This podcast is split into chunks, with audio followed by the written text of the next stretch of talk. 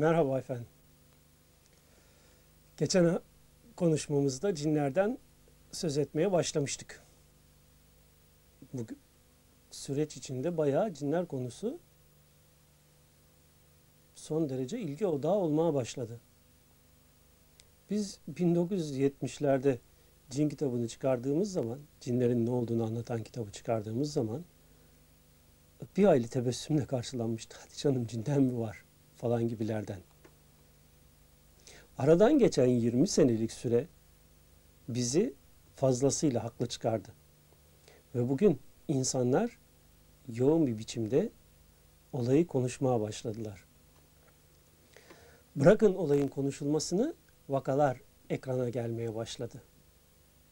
Hatta cincilerin peşinde koşan bir yığın insan kamuoyu tarafından artık tanınır hale geldi. Şimdi bu cin meselesi derinliğini olarak nedir? Yani nedir bu insanların başındaki cin belası? Cinler gerçekten insanları etkileyebiliyor mu? Etki altına alıyor mu? Siz Allah'a, peygambere, Kur'an'a inanabilirsiniz. Ya da Kur'an'ı inkar eder, reddeder. Hz. Muhammed'i peygamber olarak tanımadığınızı ifade eder. Hatta Tanrı tanımaz da olabilirsiniz. Bu sizin sorununuz. Ama ben Kur'an'a inanıyorum. Kur'an'ın Allah tarafından vahiy olmuş bir kitap olduğuna inanıyorum diyerek öbür yandan da Kur'an'ı inkar ederseniz kendinizle çelişkiye düşmüş biraz sorunlu bir kişilik ortaya koymuş olursunuz. Gerçekçi ve de sağlam bir bakış açısı için önümüzde iki yol var. Ya Hz. Muhammed'in peygamber olduğunu ve Kur'an'ın kendisine vahy olan bir kitap olduğunu ve Kur'an'da bildirilenlerin doğru olduğunu kabul edeceğiz. Veya ben Hz. Muhammed'e de inanmıyorum. Getirdiği kitabı, Kur'an'ı da kabul etmiyorum diyeceğiz. Bunu niye söylüyorum? Şu sebepten. Kur'an-ı Kerim'de daha önce de söylediğim gibi cinlerle ilgili pek çok ayet-i kerime var. Biz 1972 senesinde yayınladığımız Ruh İnsan Cin isimli kitapta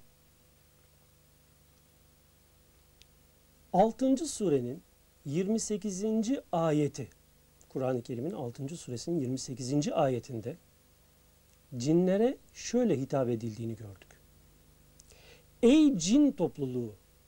insanların ekseriyetini hükmünüz altına aldınız. Bu hitap mahşerde insanlar ve cinler bir arada toplandığı bir zamanda cinlere yapılan bir hitabı anlatıyor. Şimdi ben burada size bu kitabımı da gösteriyorum ama bu kitabı reklam yapıyor değilim. Bu kitabı göstermek yani şu konuları okumak zorundayım. Çünkü bunları başka bir yerde, başka bir kitapta bulamayacaksınız. Ama bu kitabı siz alsanız da almasanız da benim hiç umurumda değil, bana tesir etmez. Niye diyeceksiniz? Şu sebepten. Ben bu ilmi Allah rızası için, Allah için insanlığa bağışlıyorum, anlatıyorum. Bu kitapların hiçbirinden beş kuruş menfaatim yok. Ben bu kitapları yazarım ve karşılıksız olarak, parasız olarak yayın evine veya isteyen yayın evlerine bağışlarım. Çünkü inanıyorum ki bu ilim insanlığın ortak ilmidir ve bu Allah ilminin karşılığında benim insanlardan hiçbir talebim ve de menfaatim yoktur. Bugüne kadar 500 bine yakın eve benim kitaplarım, kitapçıklarım girdi. Bütün bunlardan benim bir kuruş menfaatim olmadı. Ve Allah ömür verirse bundan sonra yazdığım kitapların, yayınladığım ses ve video kasetlerinin hiçbirinden de bir kuruş gelir talep etmiyorum ve etmeyeceğim. Çünkü ben Hazreti Peygamber'in yanına gittiğim zaman yarın alnımak olarak senin bize bahşettiğin ilmi senin varisin olarak ben de insanlara karşılıksız sundum, arz ettim diyebilmek istiyorum. Bana bunun şerefi yeter. Ama dini, dini bilgileri para kazanmak için kullananlar da olabilir. Onlar benim sorunum değil. O konu onların kendi sorunu. Mühim olan benim kendi vicdanımdır.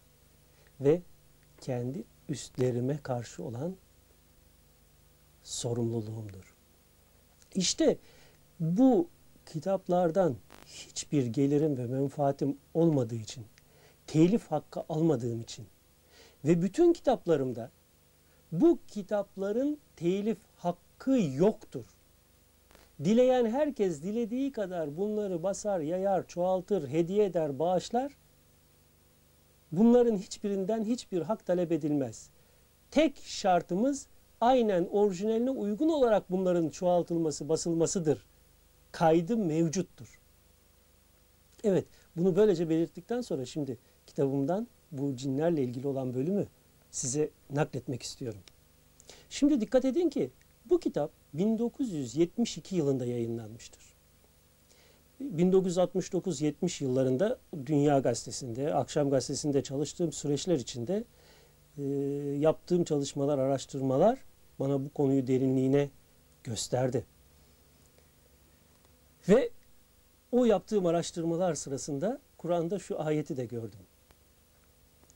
İnsanlardan onları dost edinenler yani cinleri de Rabbimiz biz birbirimizden faydalandık ve bizim için takdir edilen vakte ulaştık derler. Allah ise onlara yeriniz ateştir buyurur. Allah'ın diledikleri dışındakiler ebedi olarak orada kalacaklardır. Şimdi Kur'an'daki bu konudaki cinlerle karşılıklı alışveriş içinde olanlarla ilgili hüküm bu. Peki niye çeşitli isimler altında insanlara hükmetme gereğini duyuyor cinler ve insanları saptırıyorlar? Bunun gibi bir başka sualde konuda şu. Cinler ne yapmak istiyor? Bilelim ki cinler insanlar gibi sülaleler halinde ve peygamberin bildirdiğine göre de insanların 10 katı bir nüfusa sahip. Bunlar mikrodalga yani ışınsal bir bedene sahip bulunmaları dolayısıyla insanların beynine mikrodalga sinyaller yollayarak onlara çeşitli fikirler ilka edebiliyorlar. Vehimleri ve hayal güçleri üzerinde insanların tasarruf ederek onlara olmadık imajlar, hayaller gösterip onları bizatihi bil fiil yaşıyormuş gibi hissettirebiliyorlar. Madde üzerinde ışınsal yakma güçleri var ve bir nesneyi bir anda bir yerden alıp bir başka yere taşıyabilme gücüne sahip olanlar da söz konusu. Bu yakma özelliğine sahiptir dedim. Geçenlerde bir gazetemizin pazar ilavesinde bir köyde birçok yerleri yaktıklarına dair yazılar çıktı. Oysa biz bu kitabı 1972 yılında yayınlamış bulunuyoruz. Evet, şimdi bu cinlerden bahset, bahsimize haftaya da devam edeceğim. Ama burada şunu unutmayalım. Şu arkamda gördüğünüz dua cinlere karşı insanların korunmalarını sağlayan yegane duadır. Kur'an'da mevcut ayetlerdir.